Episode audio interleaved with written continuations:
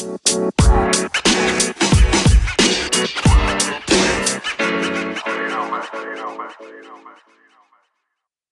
Yo, when you hear that, you know you're tuned in to Madden Talk. This is your host TKO, and week two has been a stunner.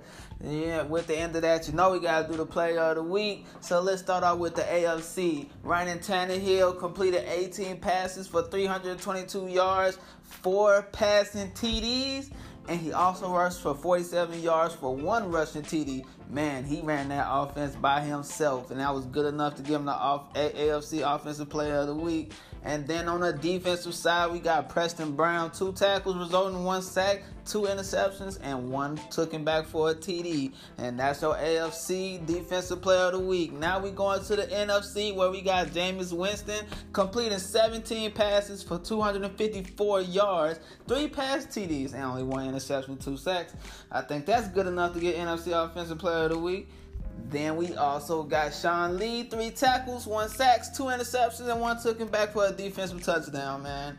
And that was right there. That's the NFC Defensive Player of the Week.